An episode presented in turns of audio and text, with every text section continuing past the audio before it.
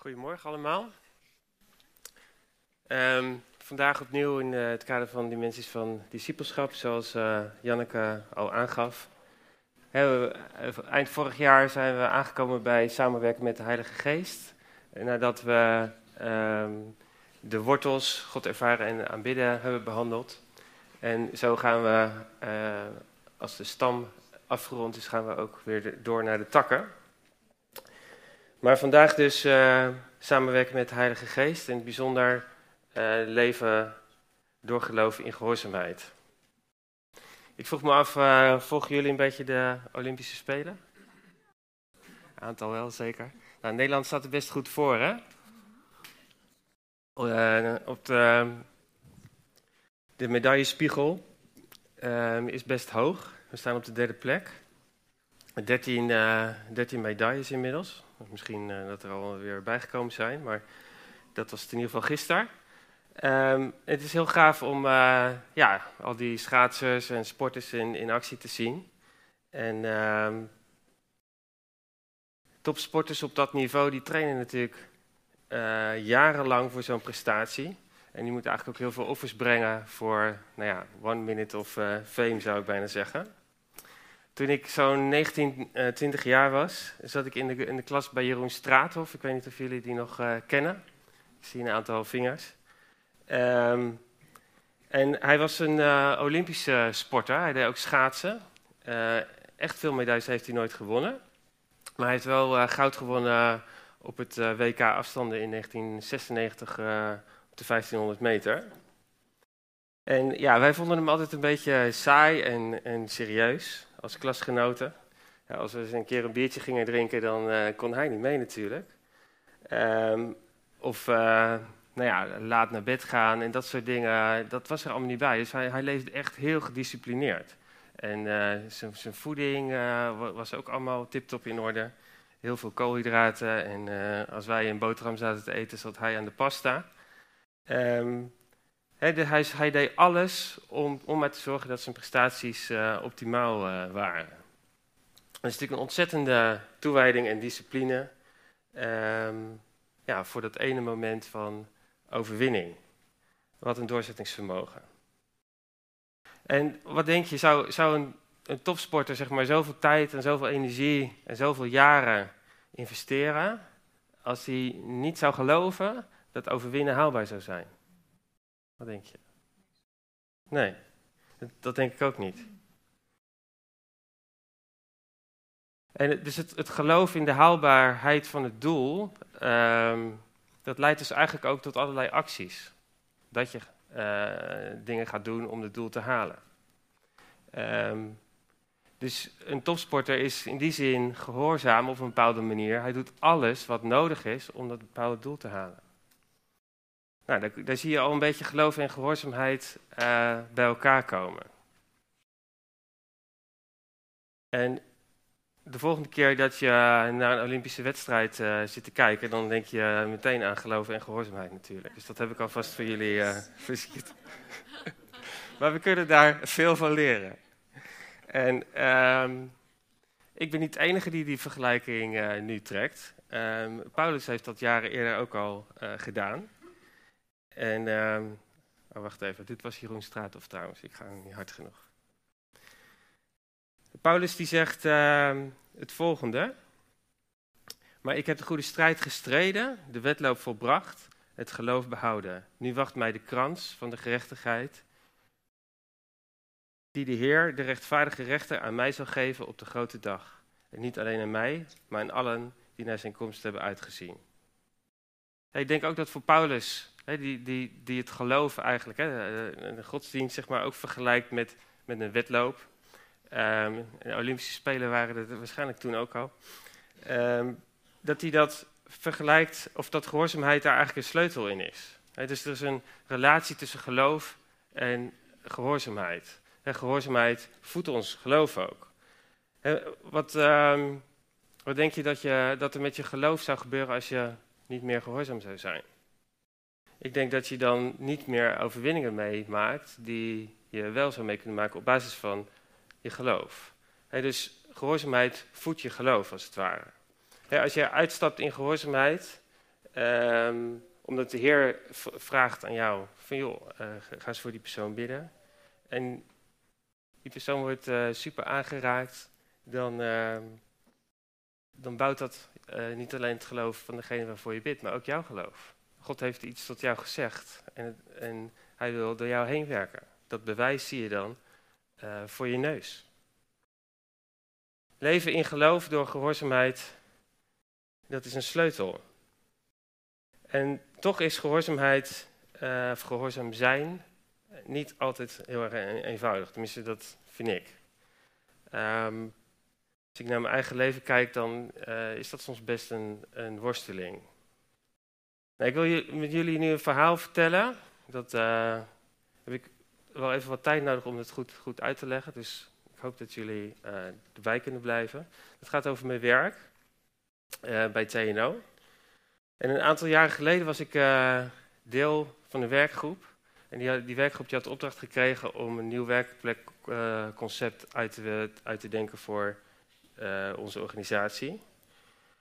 Nou, dus een fantastische uitdaging. Ik vond het leuk om te doen. Dus we waren innovatief aan de slag gegaan en uh, allerlei dingen onderzocht. En na anderhalf jaar kwam daar uh, zo'n document uit met uh, hoe wij dachten dat het in elkaar geschroefd zou moeten worden. Nou, TNO is een onderzoeksinstelling, heel veel verschillende eisen. Je kan niet allemaal iedereen door, met hetzelfde oplossing laten werken. En in die tijd was eh, TNO ook nog decentraal georganiseerd. Dus we werden vanuit diverse IT-afdelingen werd zo'n werkgroep dan gevormd. Nou ja, toen we dat rapport klaar hadden en het tijd was om, uh, om de resultaten te presenteren aan het management, uh, wist ik niet dat er nou ja, in het hogere management wat politieke ontwikkelingen aan de hand waren die eigenlijk al een beetje op een andere route voorgesorteerd hadden. Dus wij gingen dat uh, toch doodleuk presenteren, want een goede manager die laat zijn mensen niet voor schut staan. En um, tijdens die presentatie kwam ik eigenlijk langzaam achter van, hé, hey, wij komen hier met een oplossing um, waar jullie het probleem niet van zien. Dus um, dat rapport dat verdween in de la. En nou, daar, dat is er eigenlijk ook nooit meer uitgekomen. Toen een aantal jaren later ging onze organisatie uh, centraliseren. Dus er kwam één, IT-afdeling van al die locaties werd dat bij elkaar gevoegd. En um, nee, ik vergeet wat te vertellen, dat is trouwens heel belangrijk. Ik was daar natuurlijk ontzettend gefrustreerd over.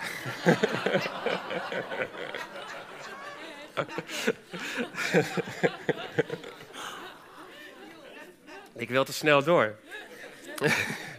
nee, ik was daar ontzettend gefrustreerd over. En toen ik terug zat, uh, op weg terug naar huis in de auto, toen zat ik ook te bidden. En um, uh, ja, ik was eigenlijk alleen maar boos. Ik, hoe, hoe kan het nou? Hoe, hoe kan het nou dat je dit niet ziet? Hoe kan het nou? Nou ja, we hadden echt ons best gedaan. En um, toen was het alsof de Heer tegen mij zei van... Um, ik ga jou gebruiken voor de, de werkplek van heel TNO. Nou, het is, was iets wat ik toen niet kon horen. In de zin van, hé, hey, uh, dat lijkt me ook een goed idee. Maar ik hoorde het wel. ik, kon er, ik kon er niet omheen. Ik zag, ik zag het echt totaal niet. Maar ik wist wel dat ik iets gehoord had. Dus dat, kon ik niet negeren. Nou goed, om een lang verhaal kort te maken. Een aantal jaren later ging TNO dus eh, centraliseren. Al die afdelingen kwamen bij elkaar. Dus alle, alle IT'ers kwamen bij elkaar. Grote reorganisatie. Iedereen moest solliciteren op zijn, uh, op zijn eigen baan of op de baan van een ander. Um, dus dat was ook best een uh, ingewikkeld proces. Uiteindelijk heb ik uh, toen een baan gekregen in, in het ontwikkelteam, die dus nieuwe, nieuwe dingen mocht gaan ontwikkelen. En um, toen kwamen ze bij mij voor de werkplek. Want die moest natuurlijk ook in één keer voor heel, heel opnieuw ingericht worden. Dus dat, um, daar ben ik toen mee aan de gang gegaan. En um, die ontwikkelingen die zagen we al een beetje aankomen. Dus tijdens die sollicitatie had ik al um, nou ja, dat rapport weer eens uit de kast gehaald, wat geüpdate en op tafel gelegd van jongens, zo moeten we het doen. Maar ik was nu slimmer. Ik had nu niet één scenario, ik had er nu twee. Dus een vooruitstrevend scenario en een behoudend scenario. Met een dringend advies om toch voor, vooral voor het vooruitstrevende scenario te gaan. Maar um, nou ja, ons management was nog weinig veranderd, dus ze gingen voor het behoudende scenario. Dus we zijn toen negen maanden aan het werk gegaan. Werkplek gebouwd, ingericht, getest, gepilot. Iedereen was blij, fantastisch. Maar er was toen op een gegeven moment ook een aantal andere ontwikkelingen, waardoor uh, toch het ambitieuze scenario nodig was. Um, ze wilden een groot samenwerkingsplatform opzetten en dat moest op een nieuwere versie van de software en er moest allemaal nieuw hardware komen. Kortom, alles wat we gedaan hadden kwam weer op de schroothoop en we moesten toen gaan bouwen aan het um, ambitieuze scenario, wat toekomstvast was en vernieuwend. Um, nou, crashmeeting gehad, weer ontzettend gefrustreerd. en um, nou ja, uiteindelijk toch, uh, toch door de bocht. En toen weer negen maanden uh, aan het werk geweest met, uh, met een nieuw concept, een nieuwe software. Alle, hadden Europese aanbesteding gedaan om, om allemaal nieuwe computers aan te schaffen, allemaal tegelijkertijd. En um, nou, dat zag er goed uit. Uh, wij waren overigens ook, ook, het enige project in, in, al in dat hele programma van projecten die uh, op tijd klaar waren en binnen budget. Um, maar dat hele samenwerkingsplatform, dat, uh, dat had grote problemen. En uh, de directeur die zat hem te knijpen. Dus toen wij klaar waren en de, de, tijd was om uit te rollen en de hardware aangeschaft mo moest worden, moest hij een offerte tekenen van 2,5 miljoen. En daar had hij geen zin in. Want dat, dat kon hij niet echt verkopen naar de raad van bestuur. Van hé, hey, het gaat zo slecht met dit project en dat. En als je dan, wil je ook nog, nog een keer 2,5 miljoen uitgeven. Dus dat wilde hij niet verkopen. Dus ik weet nog goed dat ik uh, bij hem aan tafel zat. En uh, dat hij vertelde dat dat niet doorging. Dus ik zei ook tegen, zo tegen hem, ik zeg, je hebt wel nagedacht over wat je niet gaat doen. Maar niet over wat je wel wil doen. En uh, nou ja, ik was daar weer ontzettend gefrustreerd over. En um, uiteindelijk um, zijn we toen doorgegaan met bestaande hardware en dat, uh, nou ja, dat is een heel uh, gedoe geweest.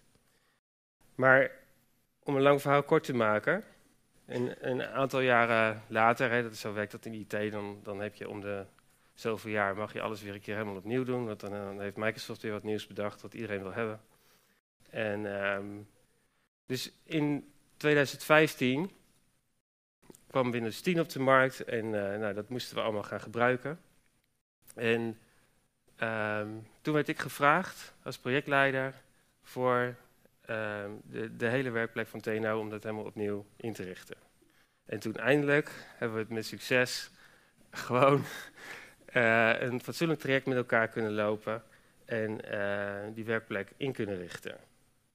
Nou, waarom vertel ik dat hele verhaal nou?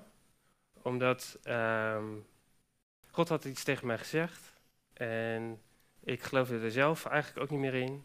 In die, in die fase dat het allemaal zo rommelde, ben ik zelfs ook nog uh, op zoek geweest naar ander werk. Ik werd gebeld uh, via LinkedIn door een aantal recruiters. En uh, er was toen zelfs een, een, een kans in, in de meer. Ik dacht, nou, lekker dicht bij huis. En, uh, maar ik werd, ik, op de een of andere manier werd, ik, uh, werden die deuren dicht gedaan, dus ik, ik, werd daar niet aangenomen. Dus ben ik uiteindelijk toch gebleven. En toen kreeg ik de kans om projectleider te worden voor um, het Windows 10 project. Um, maar het geloof, dat had, had, ik niet en daardoor ook de gehoorzaamheid niet meer. En ik heb er ontzettend veel van geleerd. Dat dat God eigenlijk tegen mij zegt van, hé, hey, dit is wat ik voor jou heb. En wat ik daar, onafhankelijk van de situatie, onafhankelijk van of een directeur mij dat gunt of niet, onafhankelijk van of het wel of niet lukt. Um, God is wat dat gaat ontzettend betrouwbaar. En als ik terugkijk, dan uh, is dat een fundament waar je echt op kan staan. En ja, leven in geloof door gehoorzaamheid. Hoe werkt dat? Een andere les die ik daaruit geleerd heb is, uh, als ik achteraf kijk, uh, ik heb een hele tijd zeg maar, geloof gehad, allerlei dingen gedaan, heel veel opgeofferd en geïnvesteerd en noem maar op. Maar het punt waar je eigenlijk het belangrijkste is om gehoorzaam te zijn, en waar het tevens ook het ingewikkeldste is, is op het moment dat je het zelf niet meer ziet zitten. Dat je alles gegeven hebt van, hé hey jongens, er is even niet meer. Ik kap ermee, ik, ik ben het zat. Ehm, maar uiteindelijk sloot God dan, tenminste zo zie ik dat nu, die deuren van die andere, die andere banen. En heeft God zeg maar voorzien in iets wat hij al lang op het oog had. En uh, nou, ik heb daar ontzettend veel van kunnen leren. Geloof en gehoorzaamheid. Even kijken. En wat, wat daar ook een belangrijke les geweest is eigenlijk, is dat de, de weerbarstigheid van de praktijk en, en alle, alle golven die, uh, die je over je heen krijgt in het leven, zal ik maar zeggen, die langskomen en die, die je uit balans brengen of die, die al je energie opvreten zodat je even niks meer over hebt, die hebben uiteindelijk geen invloed op mijn bestemming. Als ik in het pad blijf van gehoorzaamheid. God had tegen mij gezegd van jij gaat die werkplek voor heel TNO vormgeven. Goed, dan een ander ding over geloof en gehoorzaamheid. De een of andere manier zit er heel diep in ons denken um, ook de, de gedachte dat um, opoffering op, op een bepaalde manier belangrijker is dan gehoorzaamheid. En we hebben de, on, de onhebbelijke neiging, zou ik bijna willen zeggen, om opoffering uh, meer te waarderen dan gehoorzaam zijn.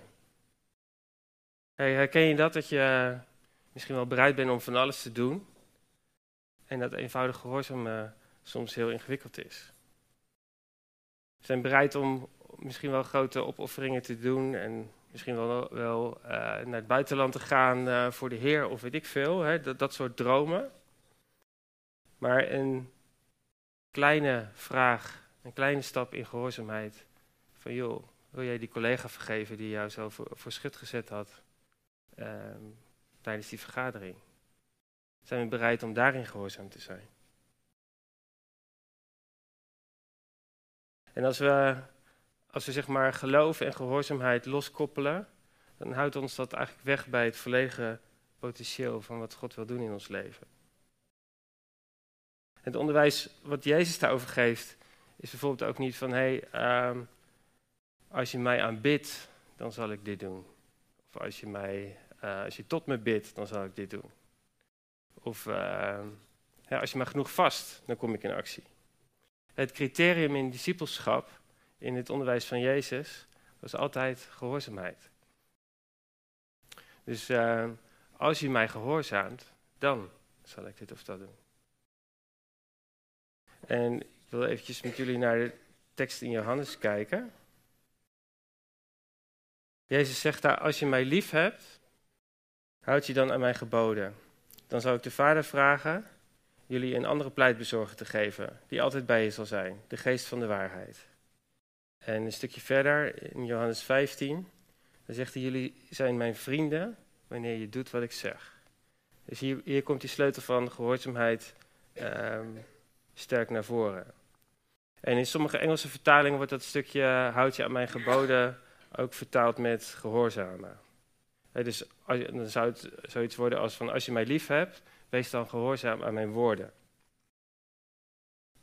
Dus als we willen terugkeren naar onze eerste liefde, dan keren we eigenlijk terug naar gehoorzaamheid. Dan keren we terug naar een plek in ons hart waar we bereid zijn om echt te kiezen. Om te kiezen um, voor de woorden van Jezus. En om die op te volgen en die om te zetten in daden. Dus ons offer is niet zozeer dat we allerlei grote dingen doen. Dat kan ook een offer zijn. Maar ons offer voor hem is gehoorzaamheid. En misschien ben jij een man, hè, en uh, als ik zo de zaal rondkijk, dan zou dat zomaar kunnen. Dat is toch zeker wel de helft. Um, en misschien heb je niet zoveel met met gevoel of zo. En je, je tijden met God zijn wel uh, oké. Misschien net tijdens de aanbidding. Je staat lekker te aanbidden, je doet een beetje mee. En wellicht um, kijk je naar, naar anderen en heb je die, die, die veel meer ervaren en kijk je daar tegenop. Maar Jezus zegt niet van, uh, als je mij lief hebt, dan heb je ontzettend te gekke ervaringen met mij. Als je mij lief hebt, dan gehoorzaam je aan mijn woord. Dat is het criterium. En zo kunnen we in de kerk ook geneigd zijn om van alles voor God te doen. je komt zelfs uh, op tijd je bed uit. Jullie zijn er allemaal. Fantastisch. We kunnen kunnen hen aanbidden, we kunnen tijd nemen in gebed, we kunnen bidden voor anderen. Maar de echte vraag is, wil jij gehoorzaam zijn aan wat hij zegt? En misschien ben je bereid om je baan op te zeggen of uh, de zending in te gaan of studentenwerk te doen. Noem maar op wat we voor God allemaal kunnen doen. En misschien wil je wel in deze kerk wat doen voor God. Daar zijn we op zich blij mee. Maar ben je ook gehoorzaam aan wat hij zegt? En het is op een bepaalde manier is dat denken geworteld in een leugen. We hebben misschien de neiging om ten diepste te geloven dat als we dingen voor hem doen, als we bezig zijn met dingen voor hem, als we onze tijd aan hem besteden, als we dingen opofferen, dat dat belangrijker is als gehoorzaam zijn. En dat is gewoon niet waar. Ehm, ik heb van de week de Zwee rondgestuurd hè, uh, in het kader van Dimensies van Discipelschap. Ik weet niet of jullie hem gelezen hebben, maar daar wordt onder andere een tekst genoemd uit Samuel. De profeet Samuel die is daar in gesprek met uh, uh, koning Saul. En koning Saul is ongehoorzaam geweest. Hij heeft een hele hoop gedaan voor God, maar net niet het ene wat ehm, God had gevraagd. En Samuel confronteert hem daarmee. Ik zal even de tekst erbij pakken. Maar Samuel zei, wat denk je dat de Heer belangrijker vindt? Dat iemand een offer brengt of dat iemand doet wat hij vraagt? Doen wat de Heer vraagt is belangrijker dan een offer brengen. En goed luisteren is beter dan het offeren van dieren. Het is het samenwerken met Gods geest en het gehoorzaam zijn aan wat de Heer uh, vroeg aan koning Saul, dat was voor hem een struikelblok geworden. En uiteindelijk verloor, hij daardoor ook zijn koningschap. En hij verloor de Heilige Geest die uh, op hem rustte als koning. Dus Saul was wel bereid om, uh, om te offeren, maar was niet bereid om gehoorzaam te zijn. En het verwijt wat hem gemaakt wordt is best wel serieus. Samuel legt in het uh, volgende vers uit dat uh, ongehoorzaamheid in Gods ogen eigenlijk hetzelfde is als toverij en afgoderij. In vers 23 kan je dat lezen. Het is slecht om je tegen de Heer te verzetten. Net zo slecht als het voorspellen van de toekomst of het vereren van afgoden. In de NVB, uh, NBV-vertaling staat het volgende. Weerspannigheid is even erg als toverij en eigenzinnigheid is even slecht als afgodendienst. Maar Saul dacht toch door zijn offers zijn ongehoorzaamheid te kunnen compenseren. En ik hoop dat jullie me goed begrijpen hoe uh, blij God ook is met de dingen die we voor Hem kunnen doen of willen doen. De dingen die we aan Hem willen geven, onze tijd, onze energie, ons geld. Die, die offers kunnen nooit de plek innemen van gehoorzaamheid.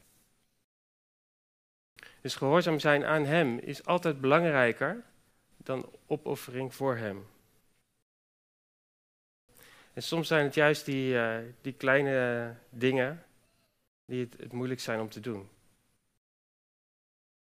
En op de een of andere manier past het beter in onze logica, het begrip van de dingen, dat uh, als we dingen doen, dat we daar dan ook wat voor terugkrijgen. Maar de maat waarmee we, wij bepalen wat goed en fout uh, is in deze wereld, die is gewoon anders dan de standaard die God hanteert.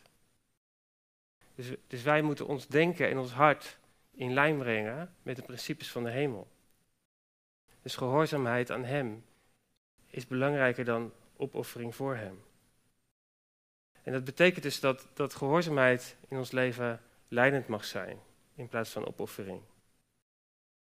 Nou, we, zien, we zien een prachtig voorbeeld van ditzelfde dilemma ehm, bij de, de vrouw die Jezus uh, zalfde met olie.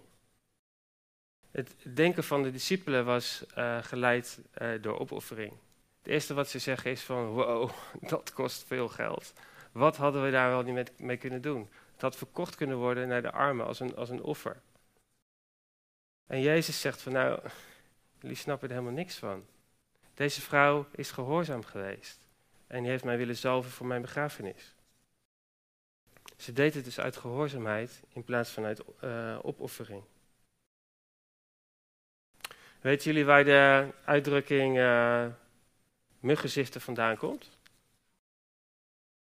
Komt ook uit de Bijbel. De, de fariseërs, die hadden de gewoonte om hun drinkwater te, te filteren. Want ze waren bang dat ze een onrein dier zouden doorslikken. Zo wettisch waren die daarmee bezig. Een mug is een onrein dier. Dus de fariseeërs werden ook geleid door opoffering. Wat, wat zij allemaal wel niet aan de kant schoven. gewoon een normaal leven. Uh, alles om uh, dingen op te offeren voor God.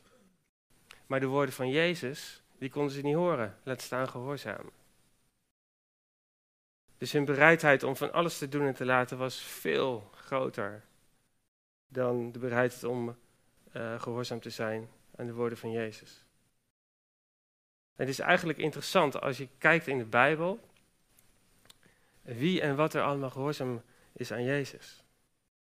Weet je, stormen luisteren naar Jezus. De vijgenboom, die luistert naar Jezus. De wind. De demonen kwamen naar buiten als hij tegen ze sprak. En de enigen die moeite hadden met het gehoorzaam zijn aan Jezus, terwijl ze wel in hem geloofden, dat waren zijn volgelingen. En dat geldt misschien ook wel voor ons. Wij, de kerk.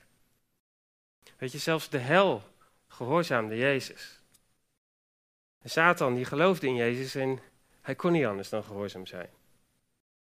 Ziektes gehoorzaamde Jezus. En de enige die wel in Jezus geloofde, maar niet gehoorzaam zijn, dat waren zijn leerlingen. Dus wat, wat is er mis met mij? Waarom ben ik wel bereid om grotere dingen op te offeren en niet gehoorzaam te zijn in kleine dingen? Waarom heb ik daar zo moeite mee? Dus als je wel naar Gods woorden luistert, als je ook nog voor waar aanneemt, en ze dus eigenlijk gelooft, en er niet naar handelt, dan misleiden we onszelf. En wat ik net zei, dat kan je ook lezen in uh, Jacobus 3 vers 17. Zo is het ook met geloof. Als iemand gelooft, maar niet doet wat God van hem vraagt, is zijn geloof waardeloos. Kijk, de wereld gelooft niet in Jezus en gehoorzaamt hem daarom niet. Dat is op zich logisch. Maar wij weten en wij geloven wie Hij is. En in hoeverre leven we echt in geloof door gehoorzaamheid? Hey, dat is de sleutelvraag waar we van de week um, in de huisgroepen ook mee aan de slag gaan. Een bijbelleraar waar ik even de naam niet precies meer van weet, die heeft wel eens gezegd dat als je bijvoorbeeld in een bepaalde periode uh, even niks van God hoort, Ga dan terug naar het laatste wat hij tegen je gezegd heeft. En doe dat.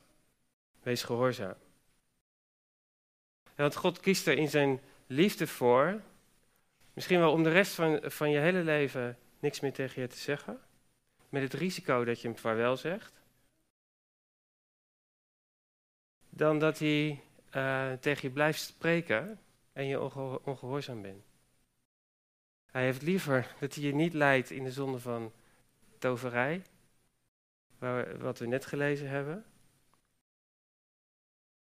En hoe genadig is dat?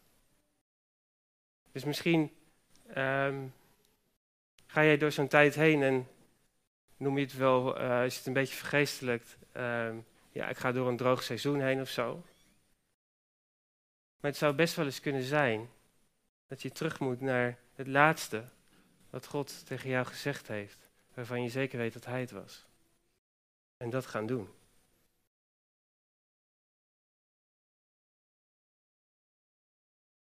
God wil niet dat jij klem komt te zitten in een net van weerspannigheid en eigenzinnigheid. Want dat is toverij en afgoderij. Als je wel iets gehoord hebt van God en je gelooft dat het echt waar is en er niet naar handelt, dan geef je de vijand het recht om je leven binnen te komen. En de andere kant, ben je wel gehoorzaam, dan belooft Jezus dat God en de Vader bij je komen en dat de geest van de waarheid in je woont. Dus we hebben hier echt een, een belangrijke verantwoordelijkheid, een, een keus. Ehm, het is aan ons hoe we, hoe we dat invullen. En het, nogmaals, zoals ik net ook aangaf, ik vind dat soms echt ingewikkeld. Het is, uh, het is misschien op een bepaalde manier ook wel een proces waarin we, we mogen leren. Maar als we stoppen met gehoorzaam te zijn, dan, dan stoppen we iets fundamenteels in ons geloofsleven. En dan droogt de boel op. Dus in hoeverre wil jij leven in geloof door gehoorzaamheid?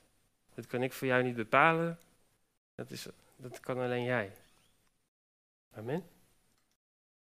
Zullen we gaan staan? Het aanbiddingsteam ook uh, terugkomen. Dankjewel. Ja, vader, we, we staan hier zo voor u. Wilt u komen met uw genade? En Heer, dank u wel dat u uh, genadig bent. Ja, ook als we even niets meer van u horen, Heer, dan kan dat ook nog een vorm van genade zijn. En vader, als we,